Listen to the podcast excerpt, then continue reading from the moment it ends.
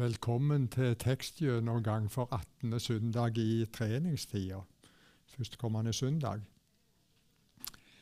Eh, evangelisten Matteus har det med å samle stoffet i større enheter. På slutten av bergpreika kan vi lese da Jesus hadde fullført denne talen, var folket fulle av undring over læra hans, for han lærte dem med myndig tale, og ikke som deres skriftlærde. Ordet som er opp, oversett med myndig tale her, er eksusia, som vi kan oversette med autoritet eller makt. Og Jeg tror dette med Jesu autoritet er en nøkkel til å forstå preiketeksten i dag. Jesus talte med autoritet. Det er Bergpreiker, kapittel 5-7. Og Matteus legger i kapittel 8 og mesteparten av kapittel 9 fram hvordan Jesus viser sin autoritet gjennom å helbrede. Først gjør han en spedalske frisk, og så helbreder han offiseren sin tjener. Og i vår tekst leser vi da Jesus kom hjem til Peter, fikk han se at svigermor hans lå og hadde feber. Han rørte ved handa hennes. Da gav feberen seg, og hun sto opp og tjente han. Da det vart kveld, kom de til han med mange som hadde vonde ånder. Han dreiv ut åndene med et ord og lekte alle som var sjuke. Slik skulle det oppfylles, det ordet som er tala gjennom profeten Jesaja. Han tok bort våre plager og bar våre sjukdommer. Matteus 8, 14-17.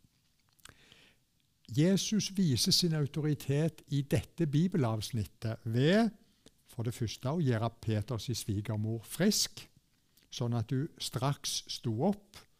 Det han ville, gjennomførte altså han med umiddelbar virkning. For det andre ved å drive ut vonde ånder bare med et ord. For det tredje ved å helbrede de syke. Og for det fjerde ved å vise at han er den som Skriftene vitner om altså Gamle testamentet. Eksusia, autoritet, er viktig for å forstå Jesu person og virke. Det står for hans guddommelige makt og autoritet til å handle. I neste kapittel, om den lamme mannen, så sier Jesus, etter han har sagt syndene dine er tilgitt, for at jeg skal vite at menneskesonen har makt eksusia på jorda til å tilgi synder. Og så gjør han han frisk. Og I slutten av Matteus evangeliet, kapittel 28, sier Jesus, 'Jeg har fått all makt, eksusia, i himmel og på jord'. Denne makta eller autoriteten brukte han ikke til eget beste, men for å tjene og li gi livet sitt til løsepeng for mange. Matteus 20, 28. La oss se litt nærere på enkeltting ved denne bibelteksten, altså preiketeksten fra Matteus 8. Feber ble på Jesu tid sett på som en sykdom og ikke et symptom på noe annet. Ifølge i alle fall enkelte jødiske skrifter skulle en ikke røre ved folk som hadde ulike typer av feber. Jesus derimot tok denne kvinna ved hånda, han berørte henne, og han blir ikke urein av den grunn, men han gir henne fri til å tjene. Og hus Peters svigermor tjener Ordet som er brukt, er diakonein, altså diakon, diakoni. Første diakon. Oppsummeringsnotisene i vers 16 og 17 i vår tekst, som det er flere av hos Matteus, sammenfatter Jesus sin gjerning. Det er snakk om åndeutdrivelse og helbredelse, som var viktige element i Jesus' i jordiske gjerning. De kom til Jesus med mange som hadde vonde ånder. Men så står det om helbredelsen at Jesus helbreda alle som var syke og hvordan skal vi forstå dette alle? I kapittel 8 og 9 er det bare snakk om noen få eksempler på syke som ble helbredet. Og det er ingen tvil om at de fleste syke i området på den tida ikke ble helbreda av Jesus. Parallellhistorier hos, hos Markus har mange i plassen for alle. Vil Matteus med sitt 'alle' understreke Jesus' sin autoritet, eller er det en, en uh, uh, semittisme som egentlig betyr mange? Så er det sitatet fra Det gamle testamentet. Hvordan skal vi forstå dette med helbredelser på bakgrunn av Jesaja 53, den fjerde av sangene om Herrens liende tjener?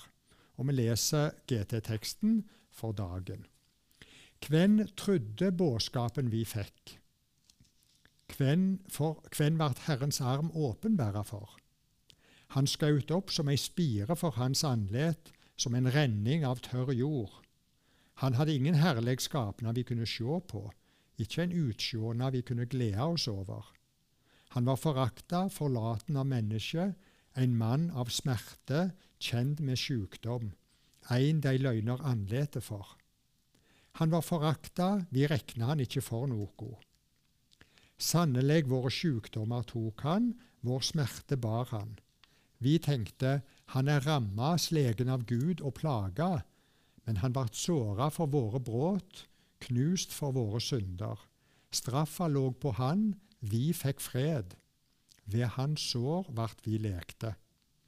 Vi gikk oss alle vill som sauer, hver tok sin egen veg, men skylda vi alle hadde, let Herren ramme han.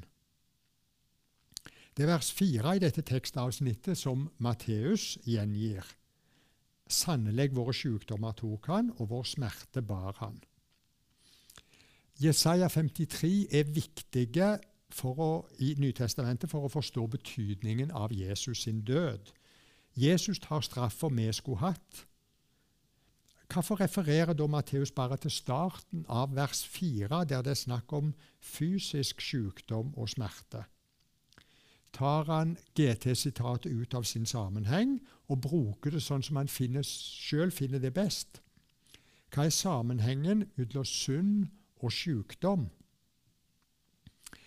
Både Skriften og jødiske tradisjon ser sykdom som et resultat av at vi lever etter syndefallet. I intertestamental litteratur er det er vonde ånder ofte de som blir sett på som forårsaker sykdom. Først i den messianske æra eller tidsalder, altså den endelige frelse, skal det ikke være sykdom mer. Det som kan gi del i denne frelsen, er det endelige oppgjøret med synda. Synd. Tjenersangen i Jesaja 53 snakker nettopp om dette. Han er knust for våre synder. Skylda vi hadde, let Herren ramme han. Dette viser til Jesus sin stedfortredende død på korset. Gjennom sin død la Jesus fundamentet for å gjøre eh, ende på sykdom.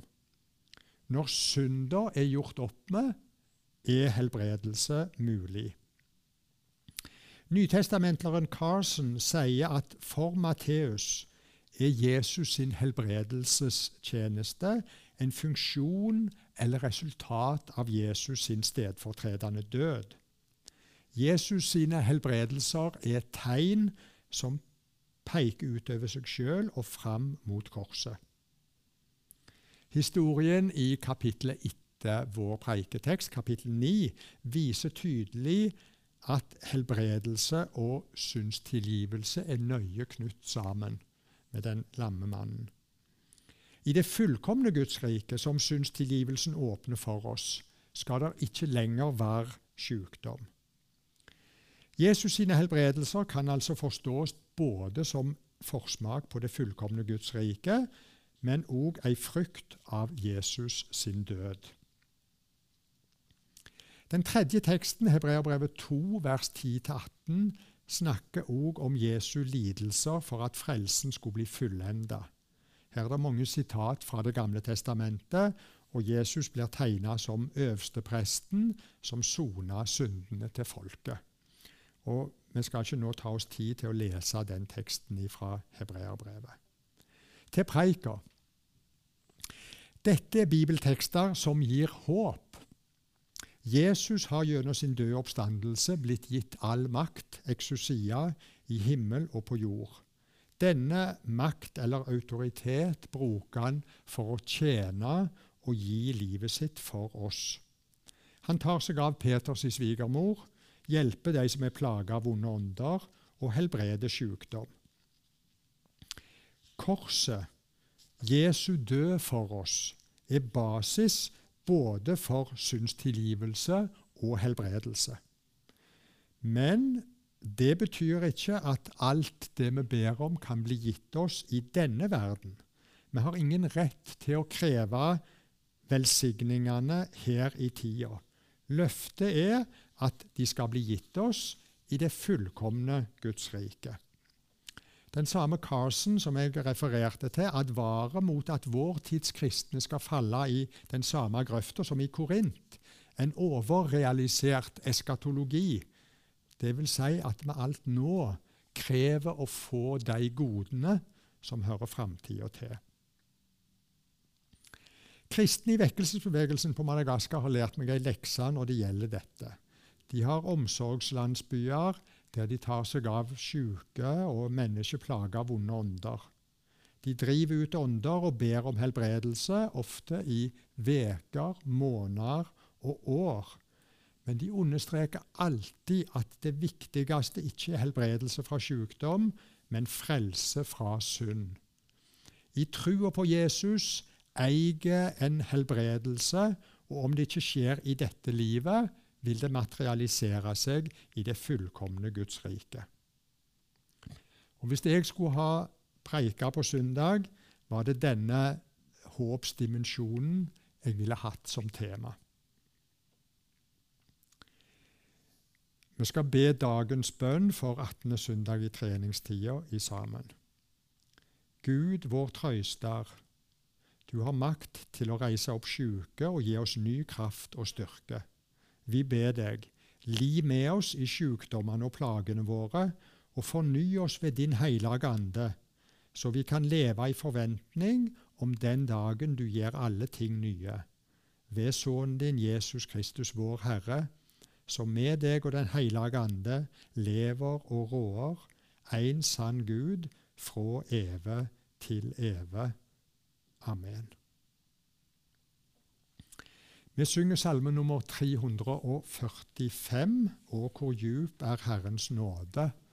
Og så tar vi med oss Herrens velsignelse før vi går.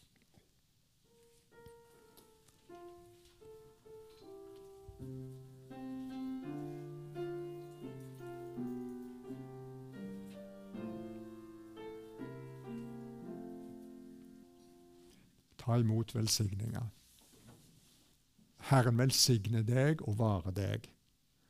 Herren late sitt andlet lyse over deg og være deg nådig. Herren lufte sitt åsyn på deg og gjeve deg fred.